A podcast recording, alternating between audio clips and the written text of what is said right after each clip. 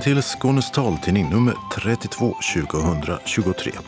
Utgivningsdag torsdag den 10 augusti. Solen går upp klockan 5.29 och ner igen 20.55 alla rena. I studion Mats Sundling och Gunilla Kracht och den senare är också tekniker. Det här är innehållet. Siv Johansson fick behålla sin ledsagning. Kammarrätten gav inte Malmö stad prövningstillstånd. Nu uppmanar hon alla som fått ledsagningen nedskuren att ansöka på nytt. Nu har Sverige ett damlandslag i five-a-side, eller blindfotboll. Och nästa vecka spelar de VM i England. Forskare i Linköping studerar patienter med ögonproblem från covid. Varför de drabbats vet man fortfarande inte. De gör mediciner ingen annan gör. Statligt bolag skräddarsyr läkemedel bland annat för patienter med ögonsjukdomar. Knut Torstensson gick tio mil i Gustav Vasas spår. GPS såg till att han inte hamnade i diket. Sommarserien Skånska dialekter. När kom egentligen diftongerna och tungrots-ärren? Svar idag. Öppnat och stängt med vinylskivor och gamla kakor. Evenemangstips med festivaler och 40-talsdag. Kalendern med Madonna, mästerskap och mötesplats för musiker. Anslagstavlan, idag en gemensam för hela Skåne. Och allra sist redaktionsrutan. Siv Johansson i Malmö får behålla sin ledsagning. Förra året beslutade Malmö stad att skära ner hennes ledsagning från 36 timmar i månaden till 12 timmar. Ett beslut som Siv överklagade till förvaltningsrätten som tidigare i somras gav henne rätt till 28 timmar. Kommunen i sin tur överklagade, som vi berättade tidigare, till kammarrätten men utan att få gehör. Det är ett besked som Siv Johansson nyss fått. Ja, det har jag fått. Kammarrätten beviljade inte prövningstillstånd. Och ehm, sen har jag fått besked från kommunen att jag har 28 timmar fram till den 31 maj när det ska omprövas igen. Och ehm, ja, det, det känns, ju, känns bra och det ligger väl i tiden att ehm, den här utredningen om funktionshindrades ledsagning, att det ska komma en lag. Så att det är väl där först med typ kammarrätten tar upp något nytt till prövning. Är du lättad nu? Ja, det är jag. Jag är lättad och jag är lite skadeglad å kommunens vägnar. För att eh, de har ju varit eh, och jagat många människor. Så att jag uppmanar de som har fått färre timmar att de helt enkelt ansöker igen för att få upp antalet timmar. Det kan man ju göra om man har missat eh, då eh, att överklaga till förvaltningsrätten och tyckte det är för jobbigt så kan man ju göra en ny ansökan. Tidigare i somras kom Socialstyrelsen med en mycket kritisk rapport om hur ledsagningen fungerar, eller eh, rättare sagt inte fungerar, i Sveriges kommuner. En rapport som utmynnar i ett förslag till regeringen att utreda en särskild lagstiftning gällande ledsagning. Men att eh, kammarrätten i sitt beslut om prövningstillstånd skulle ha tagit hänsyn till en ännu inte existerande lag, det tror inte SRFs jurist Anna Kvarnström. Istället tror hon att kammarrätten, liksom förvaltningsrätten, ansåg att det var ett så uppenbart felaktigt beslut av Malmö stad att frågan inte behövde prövas igen. Beslutet om ledsagning för Siv Johanssons del gäller alltså till den sista maj nästa år. Och till dess tänker hon bokföra allt hon använder ledsagningen till så att kommunen vid den omprövningen inte ska få möjlighet att hävda att hon inte utnyttjat alla ledsagningstimmarna. Ja, för att de kommer nog vara väldigt noga och kontrollera att jag har gjort det. Så jag för bok kommer att föra bok över de gånger jag inte utnyttjar det. Till exempel nu när jag sitter på Almåsa en vecka. Sitter på Almåsa, det låter. Eh, när jag är nu på Almåsa en vecka då svart på vitt att jag är bortrest och meddelat det. Eller om de då inte kan ge mig en ledsagare eftersom någon är sjuk så kommer jag att skriva ner det så att det finns. För de ska inte visa då att jag inte har utnyttjat det. Du litar fortfarande inte riktigt på dem? Nej, det gör jag inte. Nej, det gör jag inte. Vad ska du göra nu då, när du har flera timmar? Ja, nu ska jag ut och roa mig. Nej, men eh, jag ska eh, kontrollera lite vad som finns och det blir eh, kanske då att jag går på teater eller eh, musikarrangemang och sen alla de eh, små ärenden man ska göra. Nu har jag skaffat mig en ny telefon och nu måste jag gå till banken och skaffa mig ett bank, nytt bank-id till den telefonen. Och, så att eh, det finns, finns lite grann och eftersom det har blivit så eftersatt så, så finns det grejer att göra. Så att eh, det kommer jag att utnyttja. Sa Siv Johansson i Malmö. Reporter var Birgitta Fredén. På måndag börjar dam-VM i five-a-side eller blindfotboll i brittiska Birmingham. Och Sverige har för första gången ett damlandslag som man kan skicka till ett VM. I truppen ingår sju utespelare, två målvakter och ledarhundarna Poppe och Jojo. De två sistnämnda kommer dock inte att vara med på plan, berättar huvudtränaren för den svenska truppen, Mark Blake från Stockholm. Nej, nej. Det, de kommer att, att vara ledarhundar för två av spelarna som tar med sig sina ledarhundar. Det, de har ing, ingenting med själva spelet och matchen att göra. De är med som en, en del av det hela truppen, som, som stöd. Eh, vilka möter ni först då? Vilka andra lag är det? På måndag klockan 9.30 svensk tid, då kommer vi möta Marocko. På tisdag 9.30 svensk tid kommer vi möta Japan. Och på torsdag då kommer vi möta värdnationen England. Det låter som om det här är en global sport. Ja, alltså five-a-side är ju paralympisk idrott. Det finns ungefär 80 länder globalt sett. Um, och den här är första gången i svensk historia det finns ett riktigt damlandslag. Och skillnaden är ganska mycket att om man har ett landslag då, då gäller synklassificering, alltså ganska många olika syntester. På damsidan är det alltså 0 till 10 procent syn som gäller och det är samma som goalball.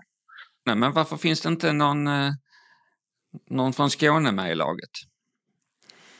Uh, det är ju så att inom vår uh, nationell utvecklingsgrupp uh, har vi idag en spelare som egentligen kommer från Växjö som är närmast. Det är inte heller Skåne, men vi kommer lite närmare. men det, det råkar ha blivit så. Och det är också så att vi är väldigt glada över att FIF Malmö har startat upp Five Side i början av det här året. Och vi hoppas verkligen att vi kommer ha skånska damer med. På här sidan har vi en, en hel del herrar från södra Sverige. Och det är en liten annan balans i det, i det gänget som kanske kommer att spela i Leipzig i oktober. Så det är lugnt, Skåne är på gång. Och eh, i det här mästerskapen i Birmingham, vad siktar ni på? Eh, på? Medalj eller? Ja, den klassiska ledande journalistfråga. ja, alltså så här är det att att vi fick en reservplats på VM i juli och det innebär att vi har haft relativt kort om tid att ordna både truppen och förutsättningar. Så vi är också så att vi kommer inte ha hela våran första trupp med på grund av uh, ja, personliga planeringar sedan tidigare om vi hade haft med tid. Så att vi har ju inte så höga resultatfokus eller förväntningar på oss. Däremot kommer vi gå in till varje match för att för att vinna den matchen. Och vi får se hur långt det räcker. Um, vårt mål är egentligen att hjälpa sporten att komma med i Los Angeles 2028 Paralympics. Det är vårt mål av delta i detta VM. För att det är någon slags rättvisefrågor. Sa Mark Blake, huvudtränare och ledamot i Parasport Sveriges fotbollskommitté. Och för den som till äventyrs inte vet vad five-a-side är, så är det fotboll som spelas med bindel för ögonen. Planen är knappt så stor som en hockeyrink med sarg runt om. Bollen har en pingla och de fem utespelarna i varje lag får ropa, så alla hör var de är. Målvakten är seende och bakom målet har det anfallande laget en person som dirigerar sitt lag så att de vet var målet är. Reporter var Per-Axel Jansson. Den som vill höra mer om hur spelet går till kan gå in på vår hemsida. I löpsedeln till det här numret finns en länk till ett reportage från det första prova på-tillfället i höstas. Idag inleder vi en serie om tre avsnitt som ska handla om ögonforskningen vid Linköpings universitet. Professor Nila Galli och hans team har i över ett års tid undersökt patienter som fått ögonkomplikationer efter en covid-19-infektion. Men fortfarande vet man inte riktigt hur sambandet mellan covid och problem med ögonen ser ut. Ja, eh, vi har nu eh, undersökt eh, över 100 personer ehm, i, i Sverige, i hela Sverige faktiskt, ehm, som har ehm, ögonproblem efter, efter att ha tillfrisknat efter mild covid. Så de var inte personer som var inlagda med två covid utan de hade ganska mild infektion och sen blev de friska igen och sen började ögonproblem komma eh, efter några veckor till månader. Vad är det för typ av eh, ögonproblem? Ja, eh, vi, eh, många har symptom på extrem eh, ljuskänslighet. Eh, någon obehag i ögat, gruskänsla i ögat, eh, torrhet i ögat eh, och ehm, ögonvärk.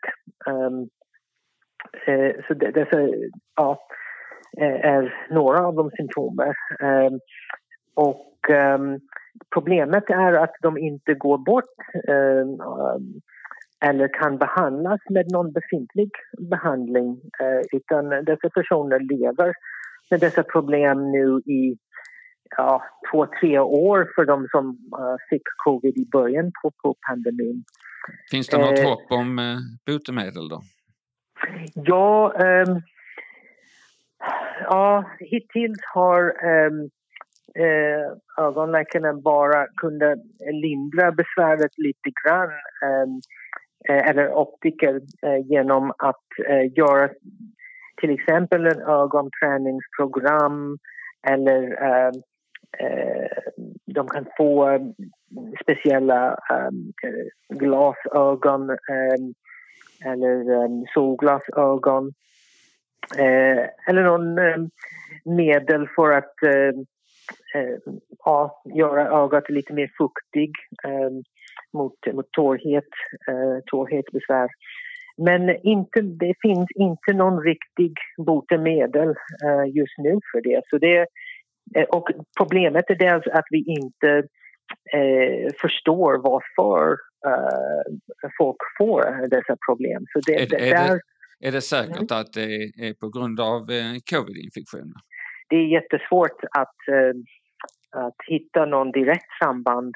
Eh, det vi har hittat hittills är att bara patienterna som inte hade någon ögonproblem alls innan de fick covid och sen det började eh, några veckor till månader efter covid. Och det är typ samma, samma mönster i alla eh, dessa hundra personer som vi har undersökt. Så det är stark misstanke att det är covid eh, faktiskt. Och, ehm, det finns andra rapporter i litteraturen som, eh, som har hittat samma eh, typ grupp personer. Så det vi, vi har kommit fram till nu är att ehm, dessa kan bero på drabbad nervfunktion i, i hjärnan eh, som eh, möjligtvis har orsakats av covid-viruset. Vi vet att viruset drabbar hjärnan och där finns det många nerver som styr alla möjliga ögonfunktioner. Och vi ser en svaghet eh, i dessa nerver eh, hos eh, personer med ögonproblem efter covid. Det var Per-Axel Jansson som intervjuade professor Nila Galli i Linköping. I förra veckans inslag om restnoterade läkemedel nämndes det att APL, Apotek, Produktion och Laboratorier, kan hjälpa till att ta fram bland annat ögondroppar för patienter med särskilda behov. APL är ett ganska anonymt statligt bolag trots att man har över 500 anställda och produktion på fem orter i landet. Så vem kan få hjälp av dem med sina mediciner? Och hur går det till att skräddarsy läkemedel för små patientgrupper som inte hittar någon fungerande medicin på den kommersiella marknaden? Erik Heffler är VD på APL. APL det står för Apotek, Produktion och Laboratorier AB och vi är ett helt statligt bolag som har ett samhällsuppdrag. Uppdrag då av staten, ägaren, där vi ska tillhandahålla, utveckla och tillhandahålla extempore läkemedel och lagerberedningar till Extempore, det var ett komplicerat ord. Ja. Ja, extempore betyder ju här och nu. Och extempore-produkter, det är produkter som inte finns eh, kommersiellt tillgängliga utan tillverkas inom ramen för ett apotekstillstånd. Och det bygger då på vad läkaren förskriver. Läkare i Sverige och ja, överallt egentligen har ju så kallad fri förskrivningsrätt. Så det är möjligt för en läkare att skriva ut en behandling som inte finns i form av kommersiellt tillgängliga läkemedel. Kan det vara en medicin då... som finns i ett annat land? Eller? Nej, då är, om det är ett annat EU-land då finns möjligheten till så kallad licens och det blir ett licensläkemedel mm. som Läkemedelsverket godkänner. Och prioriteringsordningen mellan läkemedel det är att en läkare alltid i första hand ska skriva ut ett godkänt läkemedel som alltså finns eh, den vanliga vägen kommersiellt. I andra hand ska man skriva ut ett, en licensprodukt som då är ett godkänt läkemedel i annat EU-land. Och först i tredje hand så kan det vara aktuellt att skriva ut eh, ett extempore-läkemedel. Men för att väldigt enkelt förklara vad extempore är så är det ju egentligen samma princip som om du tänker dig att du gick eh, om du gick till en läkare i början av förra seklet, början av 1900-talet. Och du fick ett recept av läkaren, du tar det receptet och går till apoteket. Och vad gjorde apotekaren då för över hundra år sedan? Jo, de blandade ihop det som stod på receptet. Och i princip så är det det som vi gör idag också på APL. För den här verksamheten har aldrig försvunnit. Den förekommer över hela Europa också. Att man gör apotekstillverkade läkemedel. Vilka patienter är det som eh, har nytta av er då? Ja, det, det, vanligaste som vi får förskrivningar på det är för barn faktiskt. För det finns ju eh, läkemedel som egentligen bara utvecklas till vuxna. Till exempel hjärta-kärl, psykofarmaka och liknande. Och där finns det ändå då små patientgrupper som utgörs av barn. Och det vi kan göra då det är att ta fram en barnanpassad dos. Och det gör man helt enkelt eh, genom att till exempel mortla ner den vanliga vuxentabletten och sen späda den med någonting eller ge en lite lägre dos och fylla i en kapsel. Eller att man gör en flytande produkt istället med en barnanpassad buss. Så det, det är det vanligaste vi gör. Sen eh, är det vissa patienter som är överkänsliga mot hjälpämnen eller konserveringsmedel i produkter. Och då kan vi ta fram då beredningar som inte har de ämnena med sig. Och sen finns det också kategorier där det är produkter som har tagits bort från marknaden av en eller annan anledning och där det fortfarande finns kvar en patientgrupp som vill stå kvar på den, där läkaren tycker att man ska stå kvar på den behandlingen. Och då kan vi fortsätta tillverka den typen av produkter. Hur vanligt är det eh, att eh, patienter med olika ögonsjukdomar får hjälp av er att få sitt läkemedel? Relativ, relativt vanligt skulle jag säga. Vi har, eh, vi har ett ganska, en ganska stor del av de produkterna som vi tillverkar är ögonprodukter. Och det, det är ju allt från, ja, vi har allt från sånt som lindrar en vagel i ögat till att vi har också glaukompreparat som vi tillverkar också. Så vad, eh, vad uppskattar du, hur många eh, patienter med den typen av problem eh, vänder sig till er eller läkarna vänder sig till er? Mm. Oj, det var en eh, svår fråga att ta rakt ur. Handlar, handlar det om hundratals eller tiotals? Eller? Nej, vi ligger nog på nivån hundratals. Det gör vi nog. Mm. Och är det huvudsakligen eh, glaukompatienter då? Det törs jag inte uttala mig om för att vi har alla möjliga varianter här med allt från sköljlösningar till, eh, till då glaukombehandling, det framför allt. Men man kan väl säga som så här att totalt sett eh, för APL så har vi någonstans eh, runt 40 000 beställningar per år. Och eh, en inte obetydlig del av de beställningarna är ju ögonpreparat och jag skulle gissa att det är någonstans runt 10 som är inom terapiområdet i ögon av de här 40 000 ordrarna. Men om, om jag går till eh, vårdcentralen och min läkare, kan jag vara säker på att han eller hon eh, vet om att den här möjligheten finns om jag till exempel inte tål eh, något läkemedel? Nej, helt säker på det kan man ju inte vara. Det, det här är ju ett komplement till eh, den vanliga läkemedelsförsörjningen. Och eh, det vet vi att eh, alla, alla inom vården känner ju inte riktigt till vad APL gör. Det här är faktiskt ett, ett område som vi arbetar ganska aktivt med. Att komma ut med information till, till vården att vi finns och vad vår roll är, vad vår uppgift är. Men att vår uppgift absolut inte är att ersätta då godkända kommersiella läkemedel utan att vi ska vara ett komplement. Erik Heffler, verkställande direktör på APL. Och det var Per-Axel Jansson som hade talat med honom. I måndags kom Knut Torstensson hem efter att ha gått Vasaloppets 10 mil på åtta dagar. Den här strapatsen arrangerades av föreningen Den långa vandringen. Rullstolsburne Anders André. När Knut sovit ut hemma i Färlöv ringde vi upp honom. Jag har gått Vasaloppet, ja. En eh, aktivitet som heter Den långa vandringen. Och då var det fyra rullstolar, fyra Zoom som är då en permobil för terräng. Det var tre som gick med rullatorer. Det var två med elmoppe och så var det då jag som icke-seende.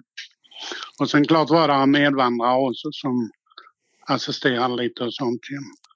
Men sen var det ju lite regn och lite mygg.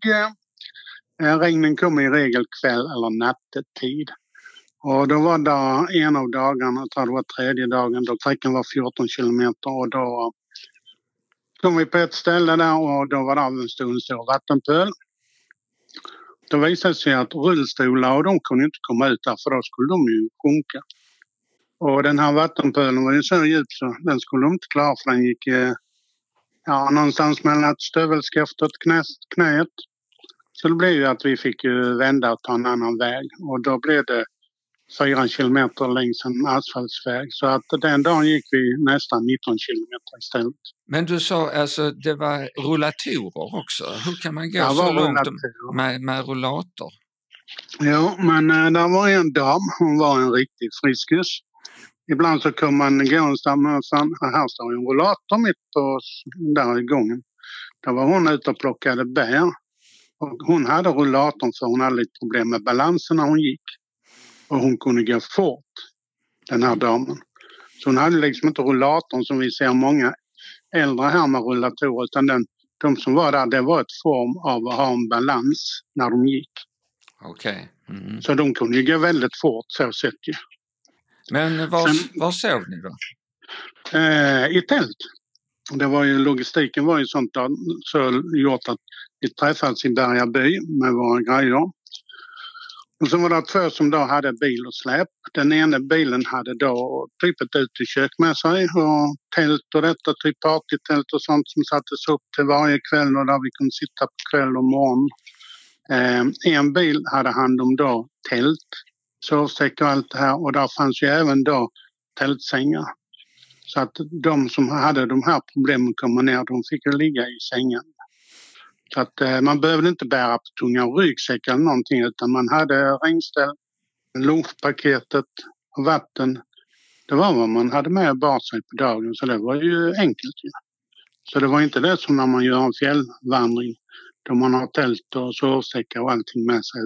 Det var ändå nio mil. Fick du skavsår? Nej, ingenting, någonting sånt. Inga problem i kroppen utan uh, nio, du får nästan säga vi gick tio mil eh, på de här åtta dagarna. Och ehm, jag får nog säga det eftersom jag fick en sjukdom här 2019 med epilepsi som har tagit mycket på min energi. Men jag känner idag att jag är tillbaka där jag var innan min sjukdom. Okej, okay, epilepsin ligger kvar men jag hade inga problem. Det var en backe först med 7 slutning till Iris, tror jag den var. Sen kom ju Lundbäcksbackarna som är väldigt grymma.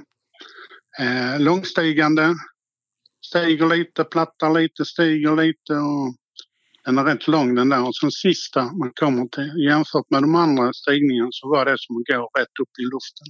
Men alla de här... Och där var de med rullat, rullat eller de heter rullstol, de rullar hela vägen upp men de var möra när de kom upp. Och jag tyckte den var lätt att gå. Men nu ska jag förklara en sak. Jag gick efter en digital ledsagarlinje som kommer ifrån Nordic Evolution. Och den här killen, Olle, där, han har ju cyklat den här sträckan en gång innan lagt ut den här digitala linjen. Det var en frihetskänsla och gå men, med de här Men jag förstår inte riktigt den här digitala eh, orienteringen. Eh, hur går det till? Jo, då har du ju en eh, liten mottagare som satt eh, i pannband. Och sen hade jag en keps och den syntes inte. Sen hade du öronsnäckor som låg runt örat. Och sen hade du en power i fickan. Eh, så den gick ju upp och tog via en satellit och kom ner som du har en GPS. För när jag gick på rätt linje så kunde man få tre alternativ på en ticksignal och då kan man säga att den här ticksignalen är som en ticksignal vid ett övergångsställe. Och då kan man få en eller en och en halv eller två sekunders intervall. Och när man då lämnar den linjen till höger så är det ett annat ljud som då blir tick, tick, tick och så blir den, accelererar den i ljudet. Och så kommer ända ut i ytterkant så säger den stopp, sväng vänster. Går man för långt till vänster så blir det en ljusare ton. Så liksom man hör väldigt lätt var man är. Har du en smal väg så kan du ställa in de här olika bredderna. Hur brett det ska vara så du inte hamnar ute i diket. För det är första gången han lägger ut en sån lång slinga. Jag tror det är han som har lagt dem nere i Pildammsparken eh, som man kan gå. Men det är ju kortare sträckor. Ja. Mm. Så du, du kunde gå själv, du behövde ingen led ledsagare? Nej, jag behövde ingen att hålla i handen. Vad var det bästa och, med den här turen? Då? Frihetskänslan och få komma ut och vandra som jag tycker om. Eh, jag har ju aldrig gått nio mil och ligget, tio mil ligget ute åtta dagar. Mm. Det längsta jag ligget ute är ju tre eller fyra dagar på fjället. Men inte då vi har gått så långa sträckor överhuvudtaget. Knut Torstensson från Skånska Färlöv intervjuades av Per-Axel Jansson. När kom diftongerna in i skånskan? Och tungrodsären? Ja, senare än man kanske tror. Sommarserien Skånska dialekter fortsätter lyssna bak i historien på hur folk talade förr och hur skånskan har utvecklats över tid. Häromveckan hörde vi dialektologen Mattias Strandberg talas om på medeltiden, vilket visade sig vara rätt likt isländskan av idag. Han arbetar för Institutet för språk och folkminnen och vi träffar honom på Arkivcentrum Syd i Lund. Vi är ganska säkra på att det inte fanns några diftonger alls i princip i den medeltida skånskan om man tänker 12, 13, 1400-tal sådär utan eh, diftongerna kom lite senare och det som kom först då under 1500-talet kanske, det var förmodligen de ganska kraftigt utpräglade nordskånska diftongerna au, aj, alltså som i paug och stein, eller stoin som det hette på vissa håll. Alltså sten på Ja, just det, med påg, alltså pojke då, och, eh, och sten. Och likadant i gaus och pau och gau och, och så vidare. Sen så finns det ju andra diftonger i, i den nutida skånskan, eh, åtminstone på vissa håll eh, i Skåne, i södra och västra Skåne, så är ju samtliga långa vokaler diftonger. Så det heter eh, e och ö och ä, å och så vidare. I, y, u och de här diftongerna är av lite yngre datum. Men vi vet egentligen inte hur gamla de är. Det vi vet är att de nu har tilltagit i styrka under 1800-1900-talet i samband med att folk har flyttat in till städerna och lagt bort sina gamla dialekter och så har de här diftongerna, det har blivit en slags snöbollseffekt på dem för de har liksom, man har tagit upp dem som eh, ett slags eh, språklig resurs för att bygga en ny eh, identitet. Mm. Och på så vis så har diftongerna blivit kraftigare i stadsmålen då, som malmöitiskan har fått sina kraftiga diftonger som sen då har spritts ut på landsbygden. Då talar vi 1800-tal då kanske? Då talar vi 1800-tal, 1900-tal. Tungrotsherren, hur kom de in i bilden? Ja, ja det, alltså, det, idag tänker vi kanske på tungrotsherren och det bakre ärret som någonting arketypiskt skånskt. Många är kanske osäkra på om man kan kalla det för skånska om, om man inte har bakre ärr. Mm. Men eh, det är faktiskt ett sent fenomen.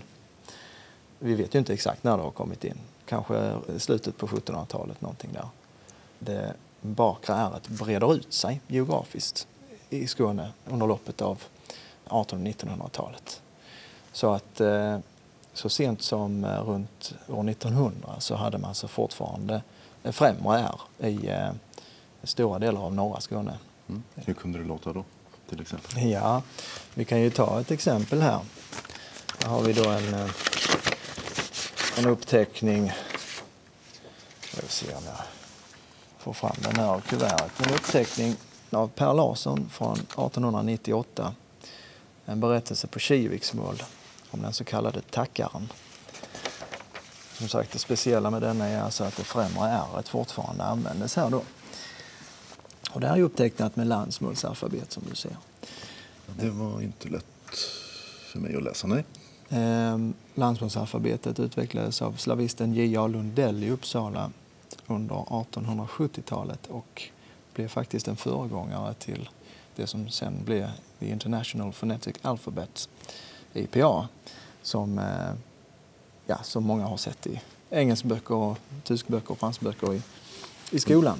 Men i Kivik i alla fall, 1898, så kunde det låta så här kanske ungefär. Innan havet blivit kristnat så hade Tilia som drucknar och inte kommit i kyrkogården ingen ro utan de sprungit på kusten om nötterna. Så var det en ättehöst för många år sedan och fiskarna låg ute på ålasättern med hummerna. Vi hade ju boar vid sättern då med, men en ålabo på den tiden, det var inte stort anden en stenkula och det kylnade på golvet. Och det var en ris till väg mellan hålet som du låg i och de dudastade där de hade reskaven. Nu är Olaboborna riktiga hojar, täta hus, till och med målade och de har cementsgol och Ängelska bisa på samma ställe. Här är fiskare som tar hela hushållet med sig från läget och så bor de på Sättern så länge ålafisket varar. I Krivareboen hade min fan Vidjana vaggan med sig i fjol till och med. Det var annorlunda men lite igenkännbart i alla fall om man har hört äldre Österlendsbor. Ja, jag tror att det, det som allra mest sticker i öronen här är väl det främre ärret. Va? Det är det som gör att man inte riktigt får ordning på vad det är för någon dialekt för man är så van vid att skånska har bakre ärr. Och man kan ju prova att läsa med bakre ärr och se vad effekten blir. Innan blivit kristna så hade Tilia som drucknade inte kommit i kyrkogården ingen ro utan det sprungit på kusten om nätterna. Så var det en ättehöst för många år sedan och fiskarna låg ute på Ålasätern med hommorna. De hade ju Sätern då med, men en Ålabo på den tiden de var inte stort annat än en stenkula och de kylnade på golvet. Och där med risbrudet till veggie mellan hulet som du låg i och det dudaste där de hade redskapen. Det, då blir det nästan omedelbart mer igenkännligt som, som skånska, inte sant? Mm. Sen det, har det kanske med saken att göra att det är lite svårt att läsa med, med främre är om man inte är så van vid det förstås. Ja. Eh. Så tungspets är så sent i alla fall i de trakterna? Ja, i de trakterna och det är ju i mellersta eller snarast södra Skåne ju. Så det är rätt så långt söderut och rätt så långt fram i tiden ju. Men eh, riktigt långt norrut då som i eh, Örkenäs socken och, och Göinge och, och däromkring. I Gyngahärad, där så bevarades ju det, det främre ännu längre. Så att vi har ju inspelningar från 60-70-tal där eh, folk fortfarande har främre där uppe. Göingemål är ju lite distinkt. Ja, det är det onekligen. Det är ju Skånes mest ålderdomliga dialekter som man hittar där. De hänger ju delvis ihop med dialekterna på andra sidan landskapsgränserna där i Blekinge och, och Småland. Då vill jag nog gärna höra. Det ska vi nog kunna ordna. Ja. Uh, ska vi bara se, då hämtar jag min dator. Du kan följa med. Så.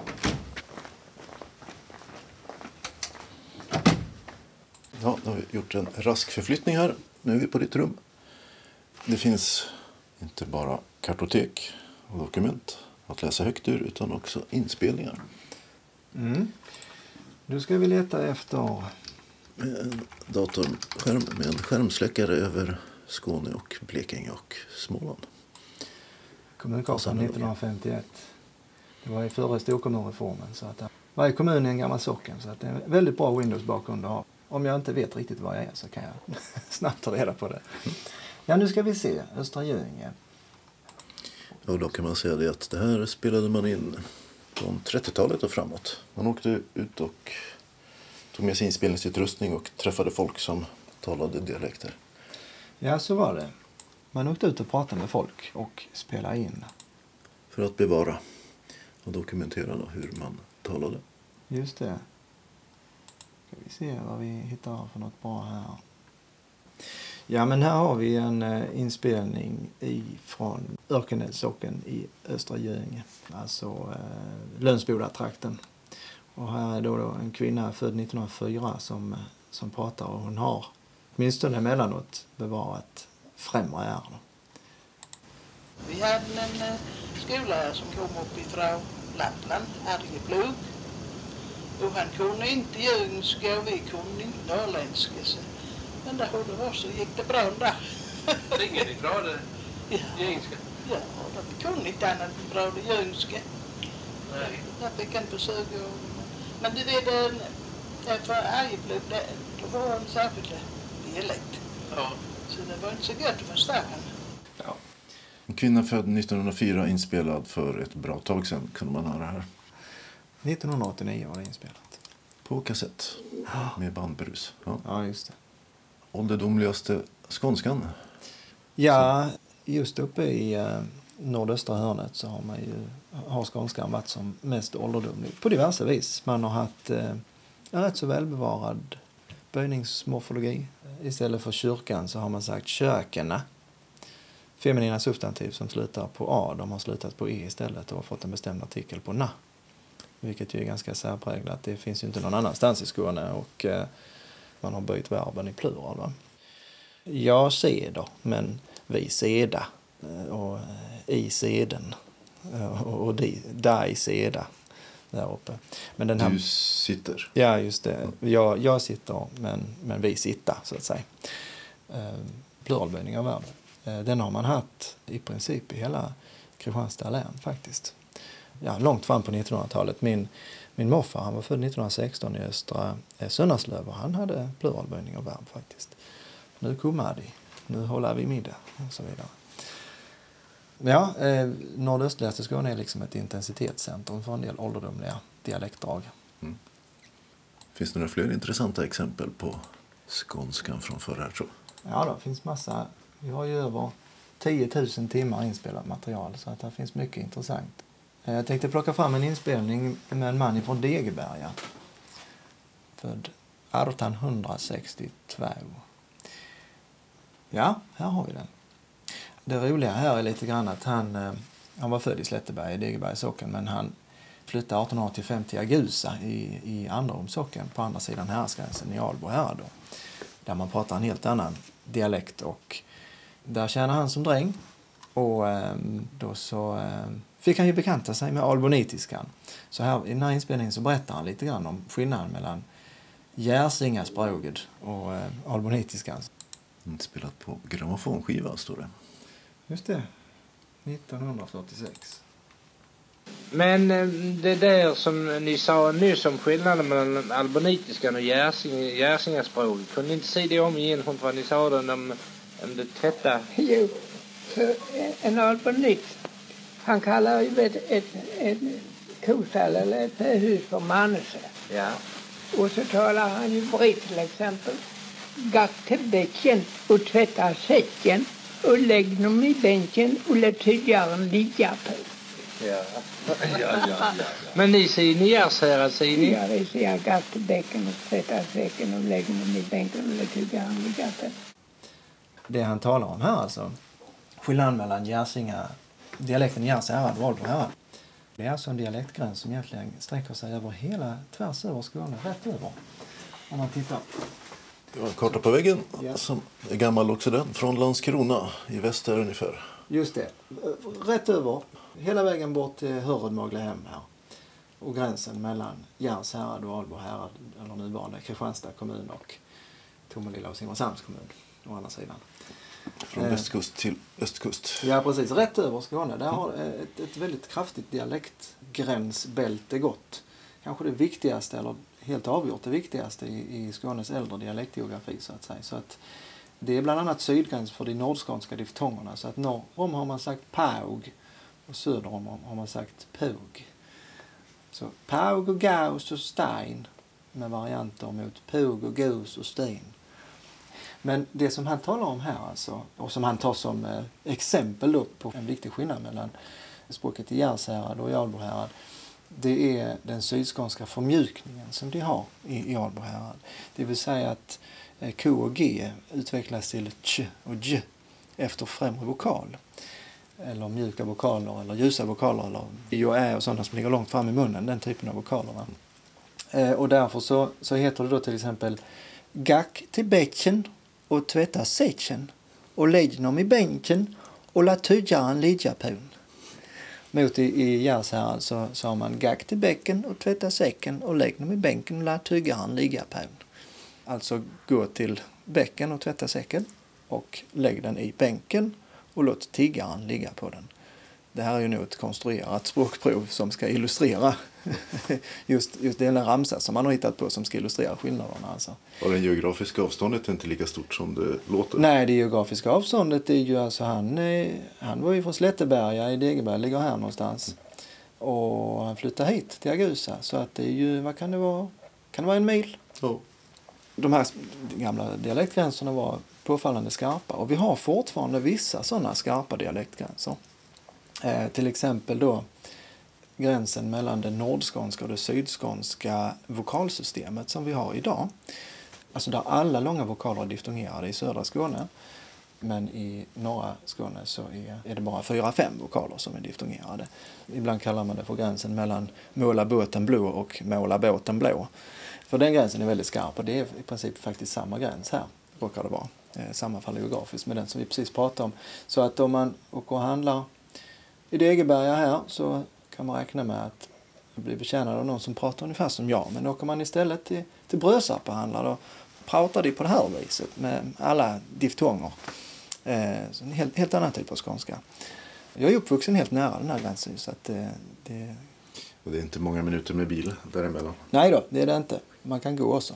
Eller cykla. Eller cykla med följare. Ja. Mm. Vi hörde Mattias Strandberg, doktor i nordiska språk och forskningsarkivarie vid det statliga institutet för språk och folkminnen. Reporter var Mats Sundling. öppnat och stängt. I Staffanstorp har kommunen stängt Pilegårdens restaurang och de pensionärer och andra som besöker trivselpunkten får hitta sin lunch på annat sätt. I Ängelholm har den japanska restaurangen Yami, Y-A-M-M-I, öppnat på Östergatan 36. Här serveras sushi, ramen, alltså nudelrätter, och teppanyaki, det vill säga grillat, till lunch och tidig middag. En likadan restaurang med samma namn finns sedan tidigare i Helsingborg. Och den nya här är granne med Ban Mi King som serverar vietnamesiska smörgåsar. I Helsingborg har Brunchoteket öppnat på Rådhustorget 12 i lokaler där det senast låg en sushi-restaurang. Här serveras nu klassiska frukosträtter som äggs benedict och amerikanska pannkakor. Ett Brunchoteket finns sedan tidigare på Stortorget i Malmö. I Höganäs stänger leksaksaffären Toys and Kids på Storgatan 19. Utförsäljning av lagret pågår till mitten av augusti och därefter slås portarna alltså igen för gott efter 77 år. I Liatorp i Osby kommun har Ragnarssons Antik öppnat ett café med sockerkaka, kringlor, mandelkakor och annat som bara är bakat efter recept från 1800-talet. Caféet ska ha öppet lördagar och söndagar året om mellan 10 och 16. Adressen är Virdavägen 12 i Liatorp. I Malmö har skivbutiken Sounds on Vinyl öppnat på Segevång och Krusegatan 23. Rock och hårdrock på just vinyl är specialiteterna och butiken är öppen torsdagar mellan 16 och 19 samt lördagar 11 till 14. Och då ska det också gå att få kaffe med en kaka till. I Skurup har second hand-butiken på Trädgårdsgatan stängt för gott. Och i Hässleholm byter kaféet i Hembygdsparken ägare och därmed också namn från Birkens café och Kuriosa till Café Dalen. Sortimentet kommer att vara ungefär detsamma som innan, lovar den nya ägaren, men det är osäkert om loppisbutiken i intilliggande skräddarhuset kommer att drivas vidare. Evenemangstipsen börjar med ett författarsamtal med Lina Wolf som hålls i Kiviks kapell på Titt 55 tisdagen den 15 augusti. Det är fri entré. Vi har ju redan berättat om Malmöfestivalen här i Skånes taltidning, bland annat om de syntolkade föreställningarna. Men här kommer ytterligare ett tips. För den som vill lyssna till Jakob Nyman, som i många år arbetade på Iris Hadar i Malmö och som var månadens ansikte i samband med att han gick i pension förra året. Bandet han är med i, Sonic Groove, spelar nämligen på Swingtältet torsdagen den 17 augusti klockan 18. Den 19 och 20 augusti är det 40-talshelg på Fredriksdals friluftsmuseum i Helsingborg. Mellan 10 och 18 båda dagarna. I museets stadskvarter vrids klockan tillbaka och det arrangeras många olika aktiviteter med historisk anknytning. Gränderna fylls med människor i tidsenliga kläder, det spelas musik från tiden och bjuds på surrogatkaffe. Vill man får man gärna klä sig 40-talsinspirerat som besökare, även om det inte alls är något krav. Det kostar 100 kronor i entréavgift. Skånedagen äger rum i Eslöv den 20 augusti mellan 13 och 19. För sjätte året i rad samlas folkdansare och musiker på Trollsjöområdet.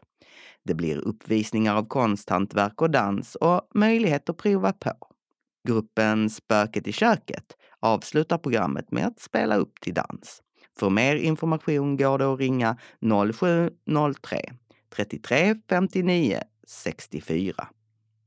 En guidad busstur går till Limhamns kalkbrott i Malmö den 20 augusti klockan 10. Bussturen avgår från parkeringen in till kalkbrottet och adressen dit är Kalkbrottsgatan 114. Bokning görs via Kulturcentralen och det kostar 10 kronor att delta. Fritidens dag blir det på Ystad Arena den 27 augusti mellan 11 och 14. De flesta av stadens föreningar finns på plats och berättar om sin verksamhet. Det finns också möjlighet att testa i olika aktiviteter. Inträdet är gratis. Årets upplaga av Lund Comedy Festival äger rum mellan 31 augusti och 2 september.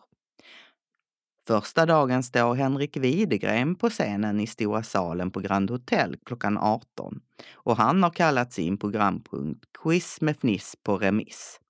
Nästa dag, klockan 21 i källaren på Hotell Lundia, är det dags för Petrina Solange och hennes show En knapp timme. Dagen därpå, 17.30, uppträder den brittiska komikern Maisie Adam på samma ställe under rubriken Live i Lund.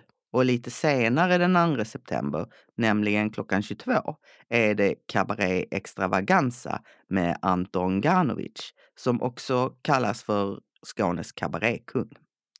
Fullständigt program finns på hemsidan lundcomedyfestival.com.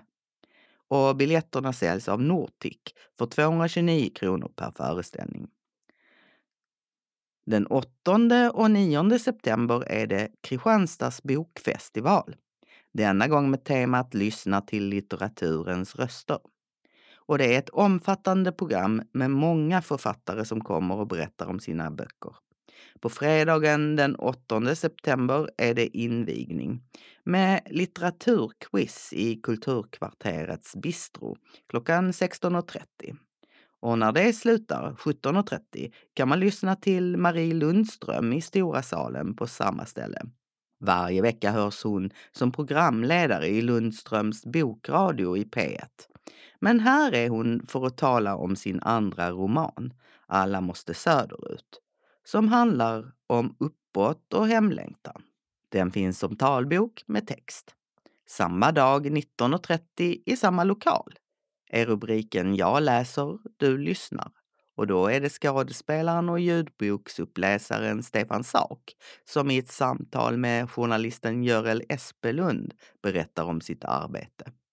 Ett evenemang den 9 september är Emil i Lönneberga 60 år på barnavdelningen på Stadsbiblioteket mellan 11 och 12.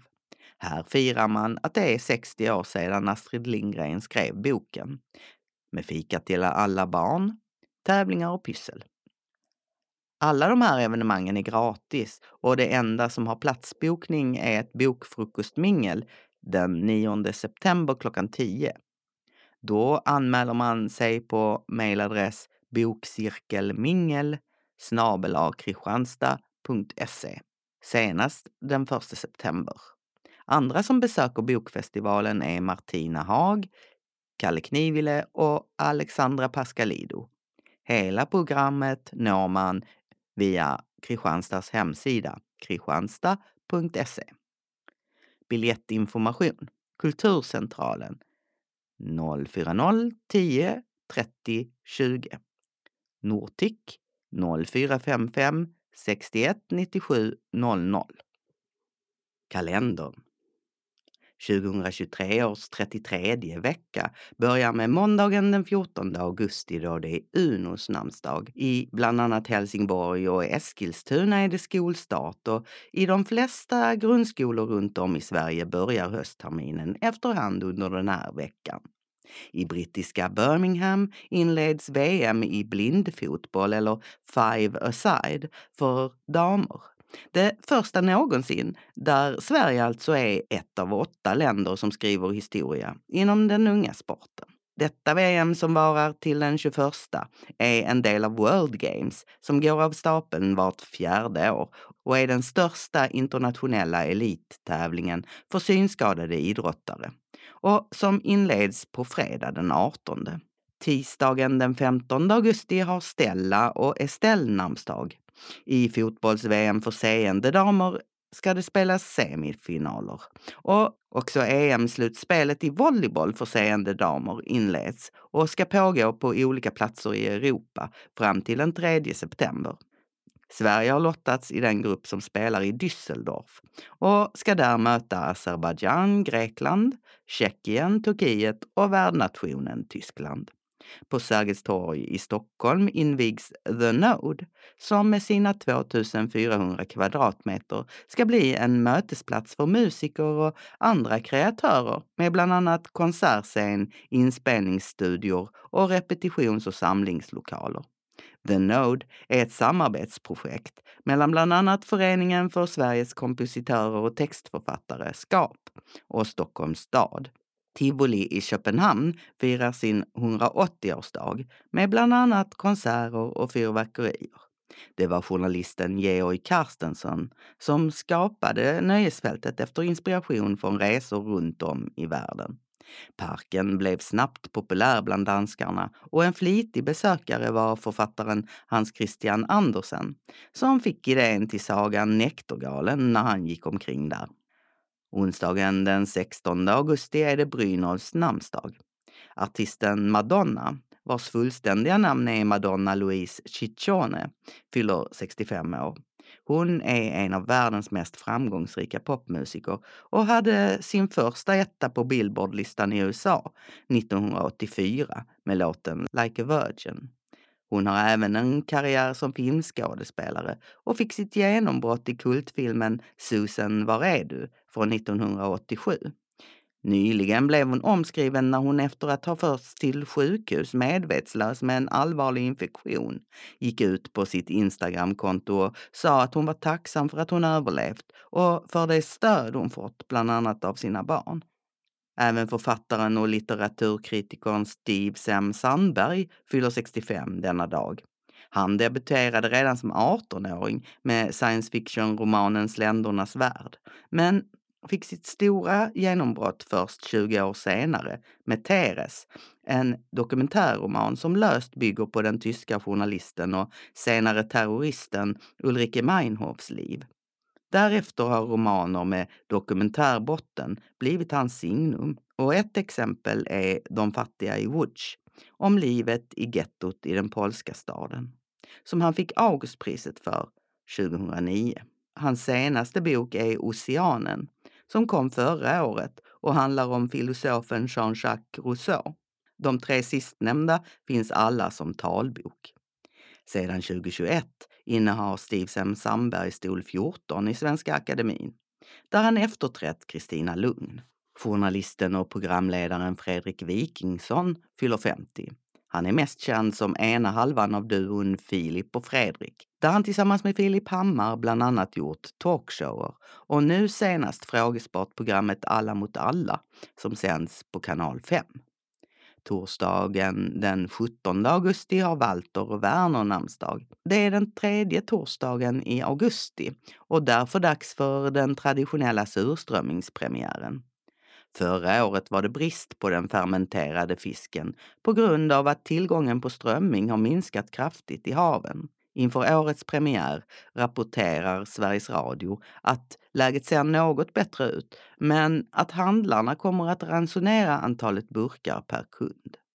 Den amerikanske skådespelaren Robert De Niro fyller 80 år. Hans första film var Greetings från 1968 och han har sedan dess haft en stor mängd filmroller och samarbetat särskilt mycket med regissörerna Francis Ford Coppola och Martin Scorsese. Han har Oscars nominerats åtta gånger och av dessa vunnit två. 1975 för bästa manliga biroll som Vito Corleone i Gudfadern 2 och 1981 för bästa manliga huvudroll som boxaren Ray LaMotta i filmen Tjuren från Bronx. Den rumänsk-tyska författaren och nobelpristagaren Herta Müller fyller 70.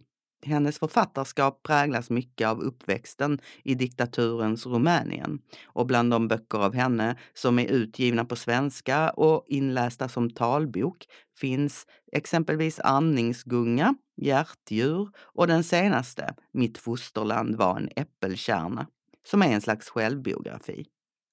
Också simstjärnan Sara Sjöström fyller år denna dag. Hon blir 30 och har redan gått till historien som en av de mest framgångsrika svenska idrottarna genom tiderna. Inte minst sen hon tog sin 20 och 21 medalj, guld på både 50 meter fjäril och frisim vid VM i Fukuoka i Japan nyligen. Och därmed slog Michael Phelps tidigare rekord på 20 VM-medaljer i simning.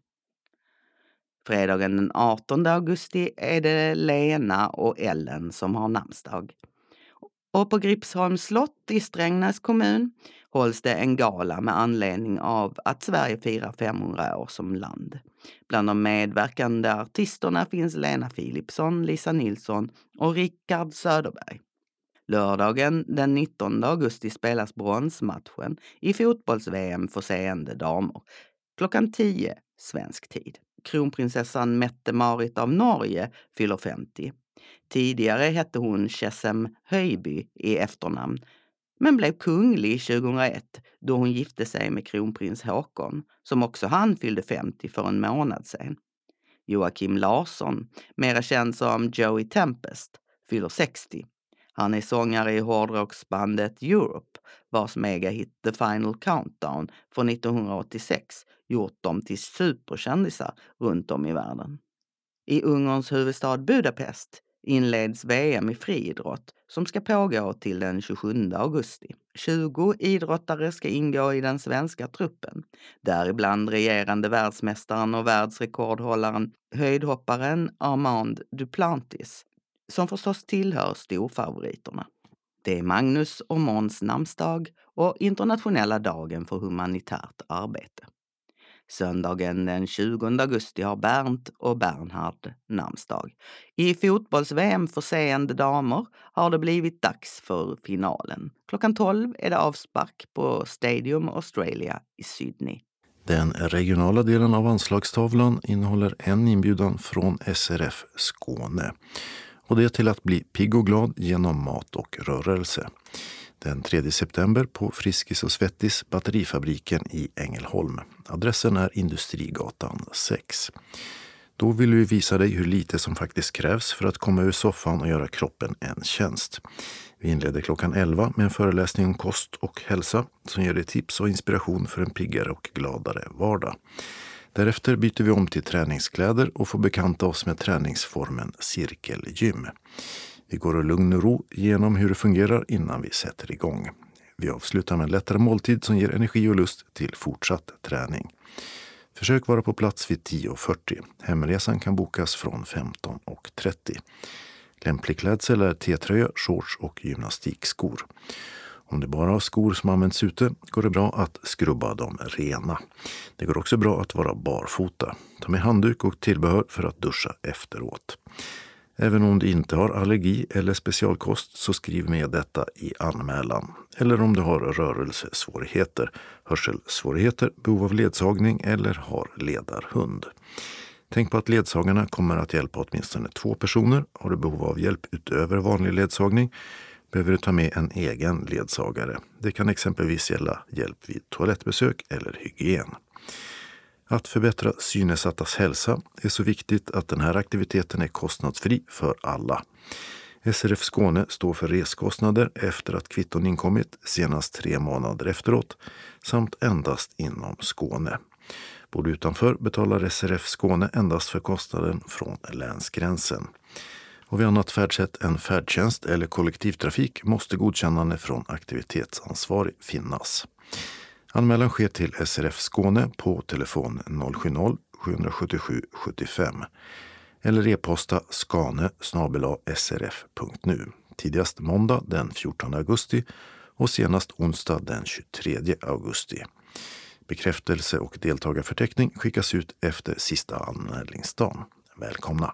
Den lokala delen av anslagstavlan är idag gemensam för hela Skåne och innehåller meddelanden från SRF Kristianstad-Bromölla SRF Malmö Svedala och SRF Västra Skåne samt ändringar i kollektivtrafiken. SRF Kristianstad Bromölla samt Östra Göinge bjuder först in sina medlemmar till Brösarps gästgiveri och spa måndag den 4 september. Buss avgår från Kulturpunkten Bromölla klockan 6.45, Kristianstad Resecentrum 7.15, Kristianstad Sommarlust 7.30 och hemresa cirka klockan 15. Vi stannar på vägen ner för en bussfika och vi har tillgång till spa mellan klockan 9 och 11.30. Låna badrock, tofflor och handduk och vi blir serverade lunch klockan 12. Efter det finns det möjlighet att göra ett besök på Österlens kött och vilt. En gammaldags köttbutik med manuell betjäning. Fläsk, nöt, lamm och även vilt under säsong.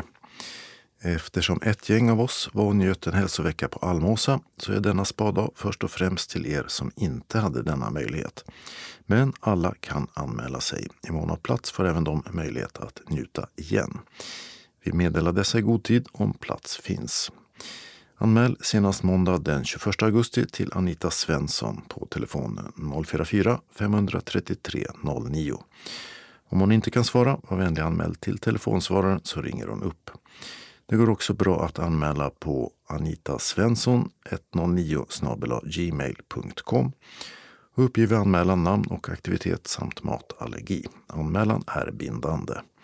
Kostnaden är 200 kronor som betalas in efter anmälan på bankgiro 899 92 45 eller swisha 12 33 93 48. Uppge vid inbetalning namn och aktivitet. Välkomna hälsar styrelsen. SRF Kristianstad, Bromölla och Östra Gynge bjuder också in sina medlemmar att prova på konstsmide. Lördag den 2 september klockan 9.30 till 16. Adressen är Kajevägen 4 i Arkelstorp. Leif Lang, som är vår handledare, hjälper oss att skapa en ljusstake genom att böja och bocka en plåt. Det ingår förmiddagsfika, lunch och material i priset. Ta med dig ett par trädgårdshandskar. Det blir plats för max fem personer per tillfälle. Anmälan senast den 17 augusti till Anita Svensson enligt ovan. Uppgiv med anmälan, namn och aktivitet samt matallergi och anmälan är bindande. Kostnaden är 550 kronor som betalas efter anmälan till bankgironumret eller via Swish. Varmt välkomna hälsar styrelsen. SRF Malmö Svedala välkomnar först till sin dagverksamhet. Måndag den 14 augusti klockan 13 till 15 träffas vi och umgås med lite fika och diskuterar aktuella nyheter samt läser lite ur tidskrifter. Ibland hinner vi även med frågesport. Tisdag den 15 augusti klockan 13 till 15.15 .15 blir det bingo och fika. Kaffe och smörgås eller kaka serveras för 10 kronor. Om man anmäler sig till kansliet, telefon 040-25 05 40 om man tänker komma, senast klockan 10 samma dag. SRF Malmö Svedala hälsar sen att det är augusti igen och då ska vi såklart ha vår populära kräftskiva på föreningen. Vendes Fridsgatan 13 i Malmö. Vi träffas fredag den 25 augusti klockan 18 för att knäcka en klo eller två. Det serveras också räkor för er som föredrar det och efteråt äter vi västerbottenpaj med sallad. Som medlem betalar man 150 kronor, övriga betalar 250. Vill man ha något att dricka så finns det till självkostnadspris. Avgiften betalar man in på bankgiro 192 96 45 eller så går det bra att swisha till 123 077 80 50 senast den 23 augusti. Behöver man inbetalningskort så meddelar kansliet vid anmälan. Och färdtjänst hem kan beställas till cirka 21.30.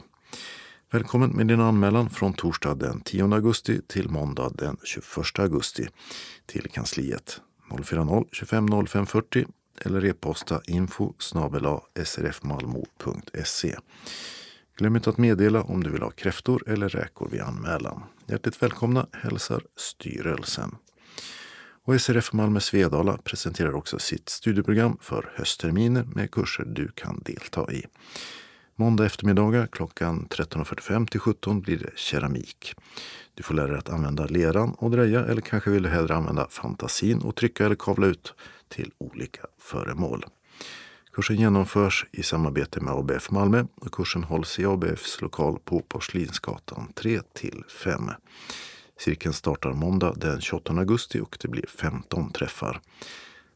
Pris 600 kronor och du betalar själv för den lera du förbrukar.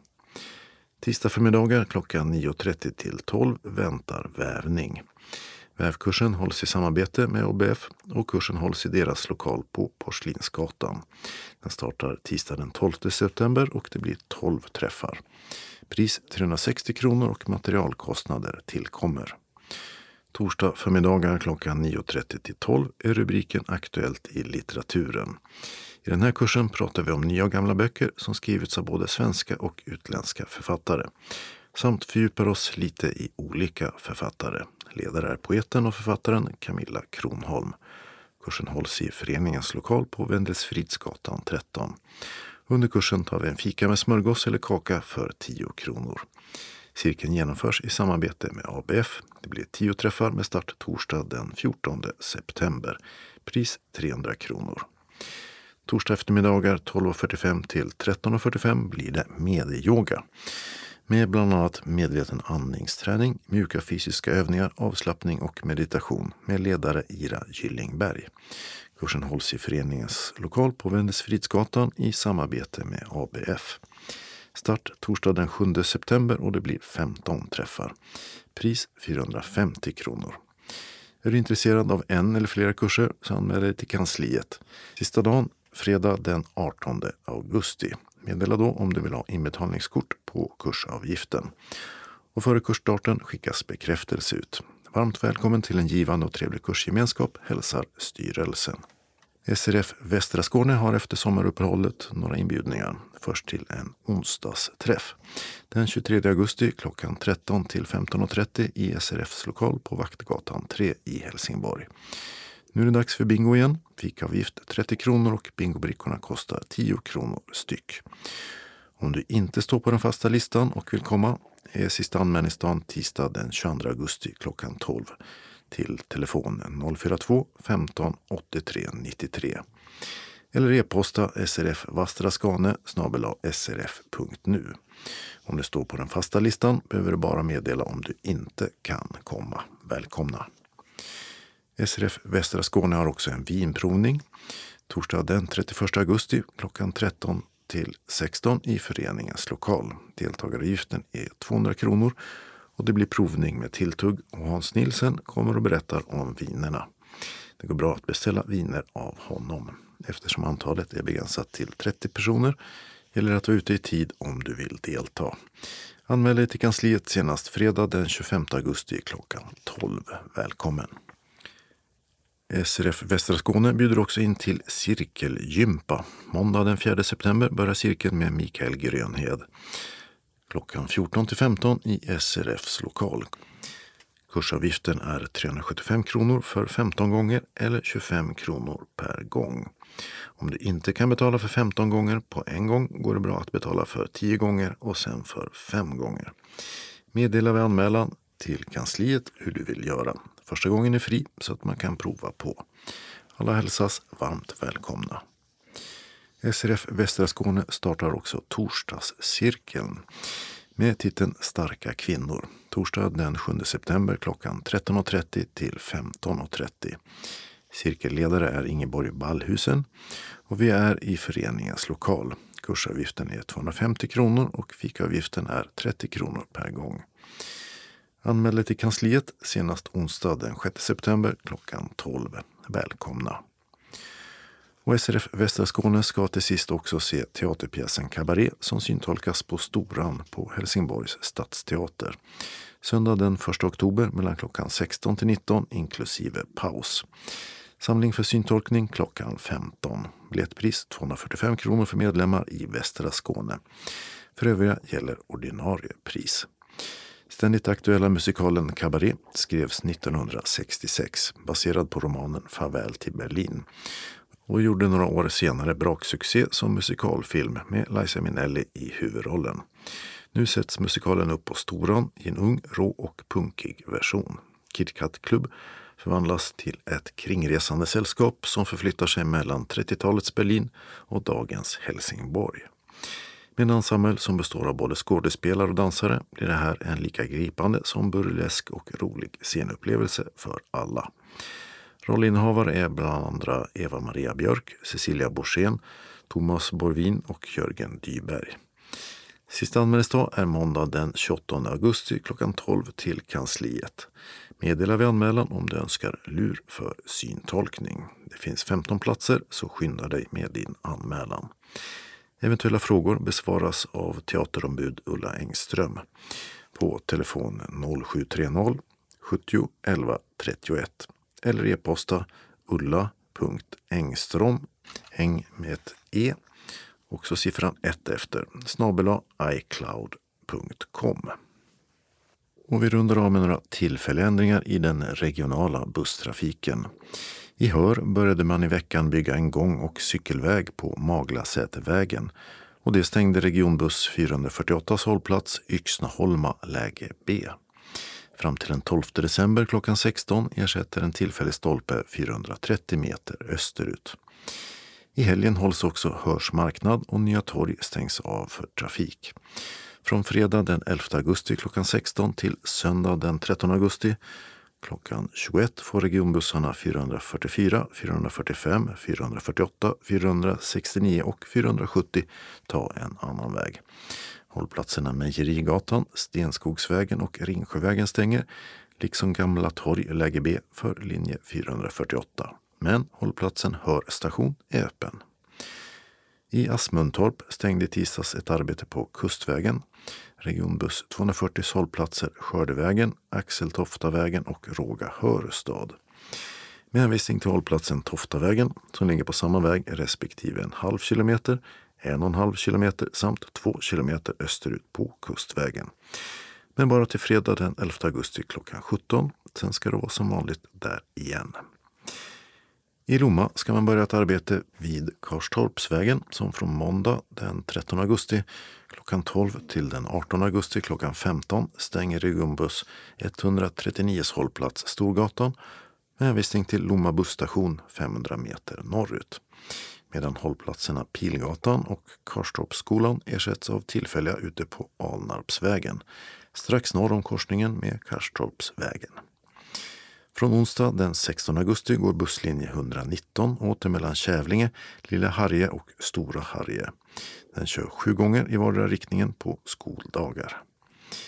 I Ljungbyhed blir det nästa vecka gammelmarknad och från torsdag den 17 augusti stänger regionbuss 518 hållplatser Bankgatan och Ringgatan.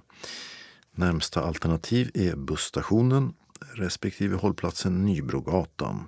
Och den senare ligger på Storgatan knappt 400 meter österut om den ordinarie Ringgatan. Lördag den 19 augusti klockan 20 ska de ordinarie öppna igen.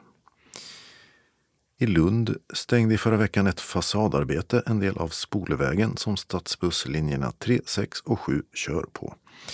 Hållplatsen Kung Oscarsväg, läge B, är stängd med en tillfällig stolpe som ersätter 30 meter bakåt bussens färdriktning. Så ska det vara där till den 29 september klockan 16.